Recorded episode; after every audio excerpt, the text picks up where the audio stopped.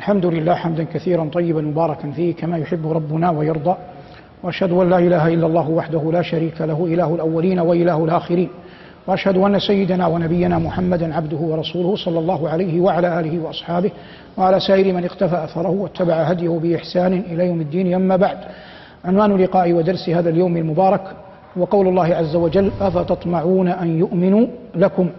وأنت ترى أنه وفق أسلوب الاستفهام الذي إن شاء الله تعالى قد عقدنا العزم على أن يكون هو السياق العام في دروس هذا هذا العام من دروس التفسير. قال الله عز وجل أفتطمعون أن يؤمنوا لكم؟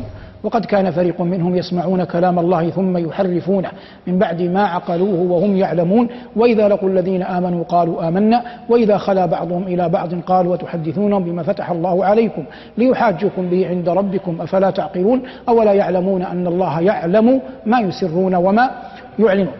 قول الله عز وجل أفتطمعون أن يؤمنوا لكم؟ خطاب للنبي صلى الله عليه وسلم وأصحابه.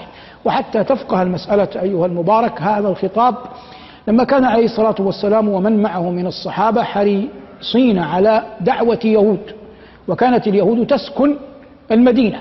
فالله عز وجل لما رأى ذلك الشأن البعيد والأسف الشديد في قلوب الصحابة على عدم إيمان يهود قال لهم جل وعلا أفتطمعون أن يؤمنوا لكم الطمع هو نزعة في النفس إلى الشيء برغبة فيه.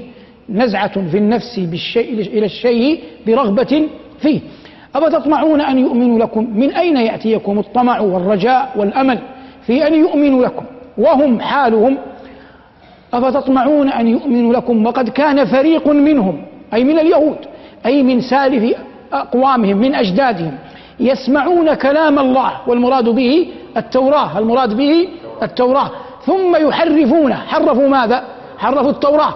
ثم يحرفونه من بعد ما عقلوه وهم يعلمون. والمعنى أن الله عز وجل خصهم بنبي كريم هو من؟ هو موسى بن عمران. فبسبب موسى رفع الله عنهم الذل وبسبب موسى فضلهم الله على الكل. الله يقول عنهم ولقد اخترناهم على علم على على العالمين. ومع ذلك أن الله أعطاهم هذه العطية أنزل على موسى التوراة وفضلهم بهذا النبي الكريم لم يرفعوا بذلك رأسا وإنما حرفوا التوراة وغيروا فيها وبدلوا فإذا كان هذا صنيعهم في نبيهم الذي هو منهم وفي كتابهم الذي أنزل عليهم فبأي حال سيكون حالهم معكم ونبيكم في الأصل ليس منهم. والقرآن غير ماذا؟ غير التوراة وإن كانت التوراة والقرآن والإنجيل والزبور وصحف إبراهيم كلها من أين؟ من عند الله. فالله عز وجل يقول أفتطمعون أن يؤمنوا لكم؟ وقد كان فريق منهم يسمعون كلام الله ثم يحرفونه من بعد ما عقلوه وهم وهم يعلمون. وإذا لقوا الذين آمنوا قالوا آمنا. وإذا خلا بعضهم إلى بعض يصيبهم الندم. قالوا أتحدثونهم بما فتح الله عليكم؟ ما معنى فتح الله عليكم؟ هم يقرؤون في التوراة صفات نبينا صلى الله عليه وسلم. فيعتب بعضهم على بعض كيف تقبل؟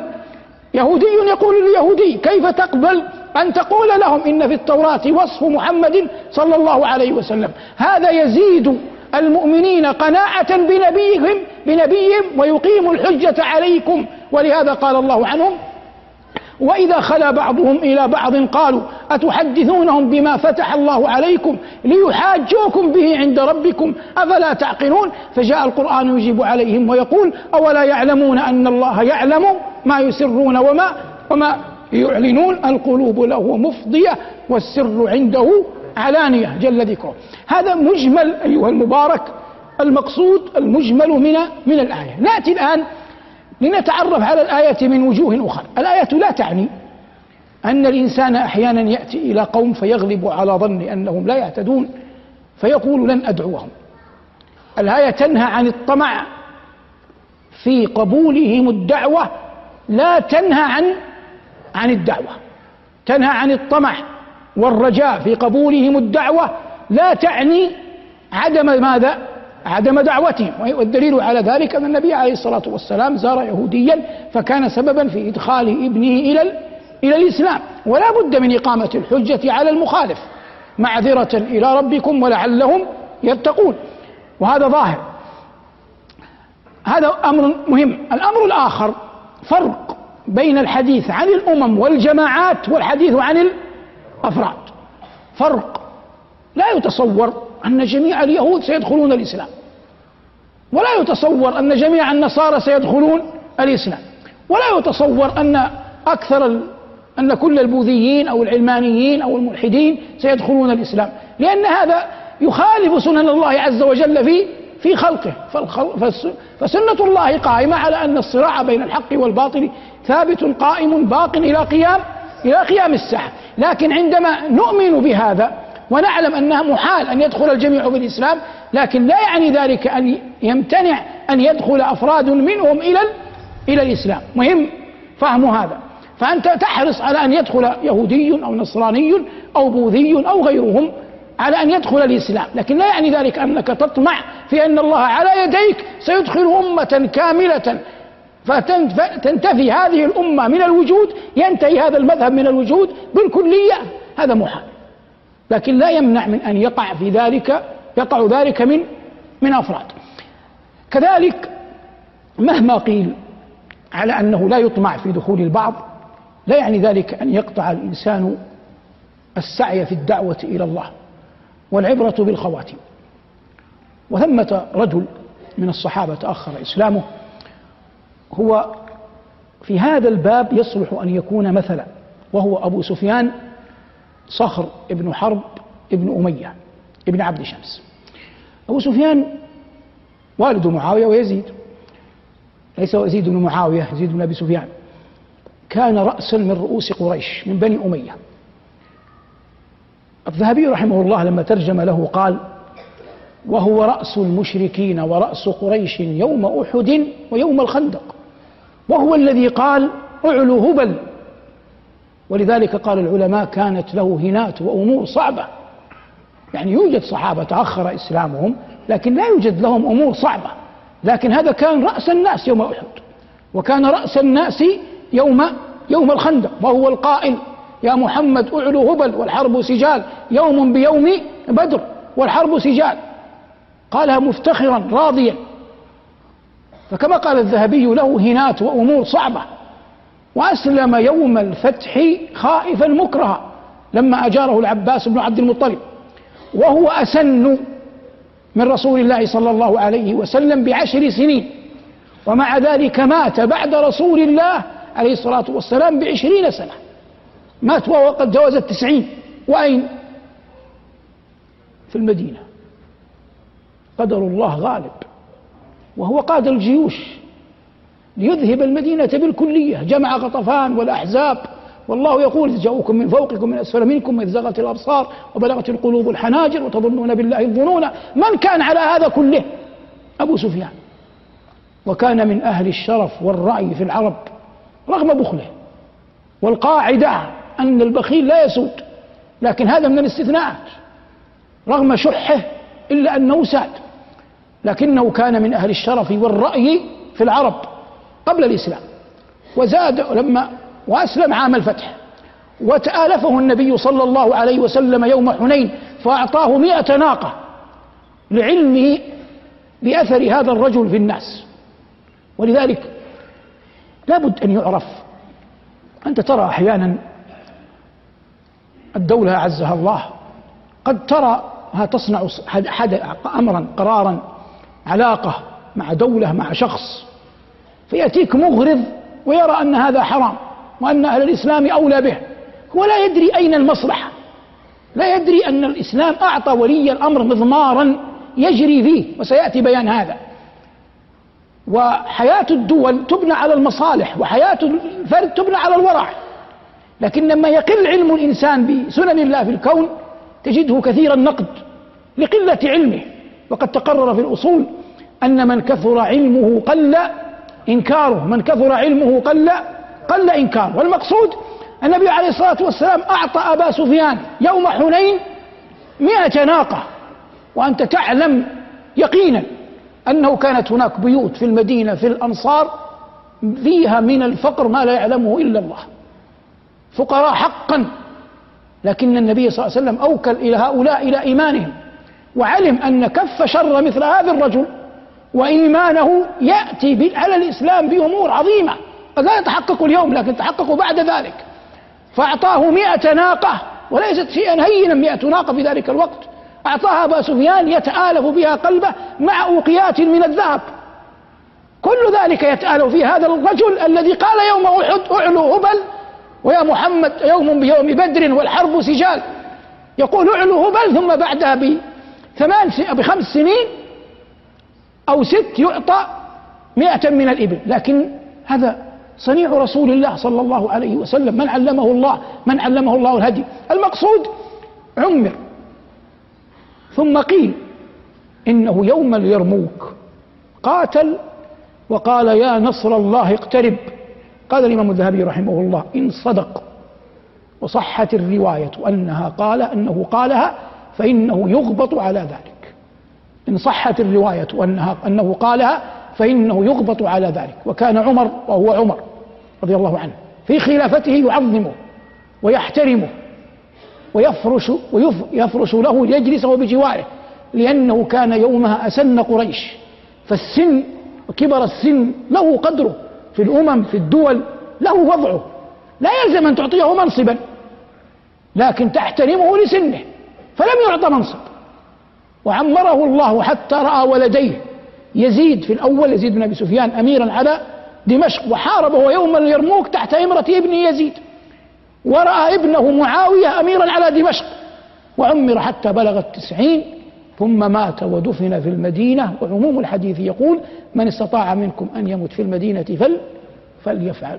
فسبحان من جعل ذلك مبدأه وذلك من منتهى. اللهم يا مقلب القلوب ثبت قلوبنا على على دينك. نعود للآية. ربنا يقول أفتطمعون أن يؤمنوا لكم?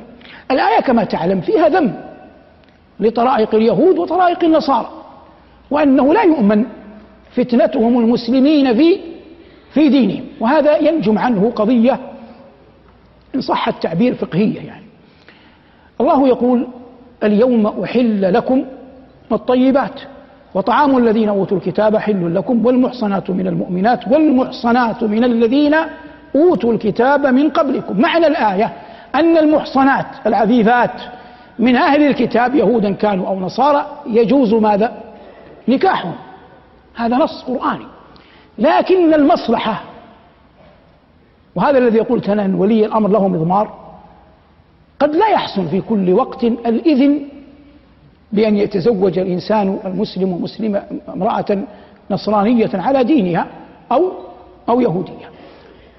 قيل الإمام أحمد سأله ابنه عبد الله يا أبتي أترى أتحب أن يتزوج المسلم يهودية أو نصرانية قال يا بني لا أحب هذا ولكن من فعله فله أسوة في بعض الصحابة فقد تزوج عثمان نصرانية وتزوج حذيفة يهودية وذكر صحابيا ثالثا. هذا شق. وقال صالح صالح هذا ابن الإمام أحمد. قال حدثني أبي قال حدثنا محمد بن جعفر قال حدثنا سعيد عن قتادة أن حذيفة بن اليمان وطلحة بن عبيد الله والجارود بن المعلى ذكر شخصا آخر لم يذكره صالح في السند في الحفل المتن والجارود بن المعلى تزوجوا نساء كتابيات. فقال لهم عمر طلقوهن فطلقوهن إلا حذيفة لم يطلق. فقال له عمر طلقها. قال أتقول أنها حرام؟ قال طلقها فإنها جمرة. فقال حذيفة قد علمت أنها جمرة. أتقول أنها حرام؟ قال طلقها فإنها جمرة. قال أعلم أنها جمرة ولكنها حلال لي. أتقول أنها حرام؟ سكت عنه عمر ولم يطلقها. ثم بعد يعني بعد حين طلقها. فقيل له ألا طلقتها حين أمرك عمر؟ قال كرهت أن يقول الناس أنني ركبت أمرا لا ينبغي له. ترى هذا عقل. وماذا يريد أن يقول؟ يقول لما قال لي عمر طلقها لو طلقتها لقال الناس أنني كنت قد أخطأت. وأن عمر ردني إلى الصواب. أنا أريد أن أقول للناس أنا لم أكن مخطئا حين تزوجت. لم أكن مخطئا كان حلالا مباحا فبقيت عليها. حتى لا يتهمني الناس بما مضى. وأنني بقيت معها على قد يأتي إنسان قد لا علم له بالفقه فيتهمه. فقال حتى يعلم الناس حتى لا يقول الناس أنني ركبت أمرا لا ينبغي لي. المقصود نحن نعلم أن عمر أتقى لله. وأعلم بالله وأشد ورعا من أن يحرم شيئا أحله الله. ولهذا لما قال له حذيفة أتقول أنها حرام؟ لم يقل إنها حرام. قال طلقها فإنها جمرة. ما معنى جمرة؟ يعني يخشى على أبنائك. أخشى على المجتمع المدني. إذا أنتم كبار الصحابة تتزوجون يهوديات ونصرانيات في المدينة. غدا يزهد الناس في بنات المسلمين. يزهد الناس في في نساء الأنصار ونساء في بنات الأنصار وبنات المهاجرين. غدا يصبحن هؤلاء قد ملأوا البيوت. فيكون عليهن التربية ويقدم النساء عليهن ويتعارفن وتقع من المفاسد ما الله به عظيم. فعمر يتصرف رضي الله عنه من باب المصلحة الشرعية لا من باب قضية حلال وحرام. لذلك نحن تأتينا أسئلة وتأتي غيرنا من العلماء. أنه يقول لك السائل تقول له النظام وتريد يقول دعنا من النظام حرام ولا حلال؟ هو يريد. لا يعلم أن ولي الأمر أعطي شيئا من هذا شرعا ولا يحق لي ولا لغيري أن يفتئت على ولي أمره. هناك هيئة لكبار العلماء هناك لجنة دائمة للإفتاء هناك خيار من الناس خير منا وأتقى وأعلم وأشد ورعا. فالأمور التي يجمع عليها لا يحسن بأحد أن ينقضها. والمقصود من هذا كله أن الأمر يختلف لكن لو أن أحدا من المسلمين سافر إلى الغرب لتجارة أو لدراسة أو لمرافقة مريض وطال سفر. وأحب أن يحصن نفسه. فتزوج كتابية يهودية أو نصرانية فالأمر ماذا؟ يختلف وهو متمسك بالأصل. الله عز وجل يقول والمحصنات من الذين أوتوا أوتوا الكتاب من قبلكم. إذا أتيتموهن أجورهن غير محصنين ولا متخذات أخدان ولا مسافحين ولا متخذي أخدان. المقصود هو الأصل أنه يجوز. لكن كما قلنا تم ثمة مضمار ثمة مصالح ثم ثمة مفاسد ينظر إليها العاقل ينظر إليها الحليم قبل أن يفتي قبل أن يتكلم قبل أن يفتئت على الناس قبل أن يتهم الناس في دينهم. في مثل هذا وهذا يعرف أين طريق الحق وأين مكمن الصواب وأين يكون الهدى. نعود للآية. قال الله أفتطمعون أن يؤمنوا لكم وقد كان فريق منهم يسمعون كلام الله ثم يحرفونه من بعد ما عقلوه وهم يعلمون. وإذا لقوا الذين آمنوا قالوا آمنا. وإذا خلا بعضهم إلى بعض قالوا أتحدثونهم بما فتح الله عليكم ليحاجوكم به عند ربكم أفلا تعقلون؟ ثم قال الله أولا يعلمون أن الله يعلم ما يسرون وما يعلنون. والله يا أخي إن مراقبة الله في السر والعلن من أعظم المنجيات. على الأقل وليست هذه دعوة للمعصية لكن على الأقل إن كان ولا بد من المعصية فليتبعها ندم حياء من من ربك. لكن الهالك حقا من يعصي الله وهو يفتخر بمعصيته. هذا قد قل حياؤه من ربه ومن قل حياؤه من الله جعل نفسه عرضة للعذاب الشديد. اللهم إنا نسألك قلوبا تستحيي منك ونسألك اللهم لسانا رطبا بذكرك وعافية وعفوا من لدنك. صلى الله على محمد وآله والحمد لله رب العالمين.